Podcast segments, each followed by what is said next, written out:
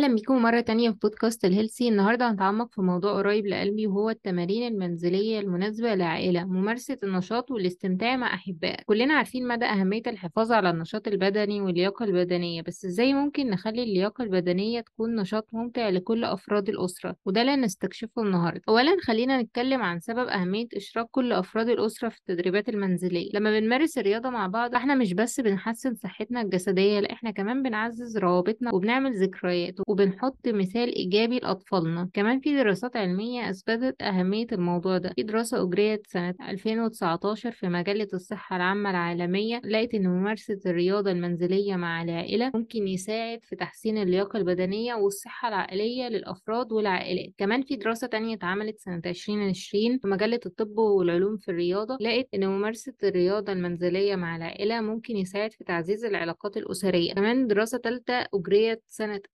2021 في مجلة التربية البدنية واللياقة البدنية لقت إن ممارسة الرياضة المنزلية مع العائلة ممكن يساعد في زيادة الثقة بالنفس والشعور بالانتماء عند الأفراد والعائلات. دلوقتي خلينا ندخل في كام فكرة للتمارين المناسبة للعائلة زي إنشاء مسار عقبة في الغرفة في غرفة المعيشة. تقدر تستخدم الأدوات المنزلية زي الكراسي الوسائد أو اللعب. الهدف هو إنك تخلي الأمر صعب بس قابل للتنفيذ لكل أفراد الأسرة. ممكن كمان التمارين المشتركة إن كلنا بنعمل نفس التمرين زي مثلا ناس كذا حد في العيلة بيعمل تمرين السكوات أو تمرين الضغط. التمارين دي مش بس بتحسن القوة والتناسق لأ كمان بتشجع العمل الجماعي. كمان خليني أقول لكم إن تعليم الأطفال أهمية النشاط البدني أمر بالغ الأهمية وأفضل طريقة إنك تعمل ده هي إنك تكون قدوة يحتذى بيها. وريهم إن التمرين ممكن يكون ممتع مش إنه لازم يكون حاجة روتينية. أخيرا افتكر إنك تعدل التدريبات دي عشان تناسب الفئة العمرية المختلفة ومستويات اللياقة البدنية جوه الأسرة. بالنسبة للأطفال الصغيرين ركز على الألعاب والأنشطة المرحة. بالنسبة للكبار في السن بيكون الأفضل تدمج تمارين منظمة أكتر بس المفتاح هو إنك تخليها ممتعة للكل. طيب دلوقتي مع شوية إبداع وحماس كتير تقدر تحول التمارين المنزلية لنشاط ممتع ومناسب للعيلة. افتكر إن الهدف مش بس الحفاظ على اللياقة البدنية لأ كمان إنكم تقضوا وقت ممتع مع بعض وتعملوا ذكريات حلوة وتغرسوا حب النشاط البدني في الأطفال. ده كان كل اللي في حلقة النهاردة من بودكاست الهيلسي أتمنى إنك تكون لقيت النصايح دي مفيدة. حافظ على نشاطك واستمتع بوقتك. لحد الحلقة الجاية افضل إيجابي حافظ على صحتك والتزم بالرياضة.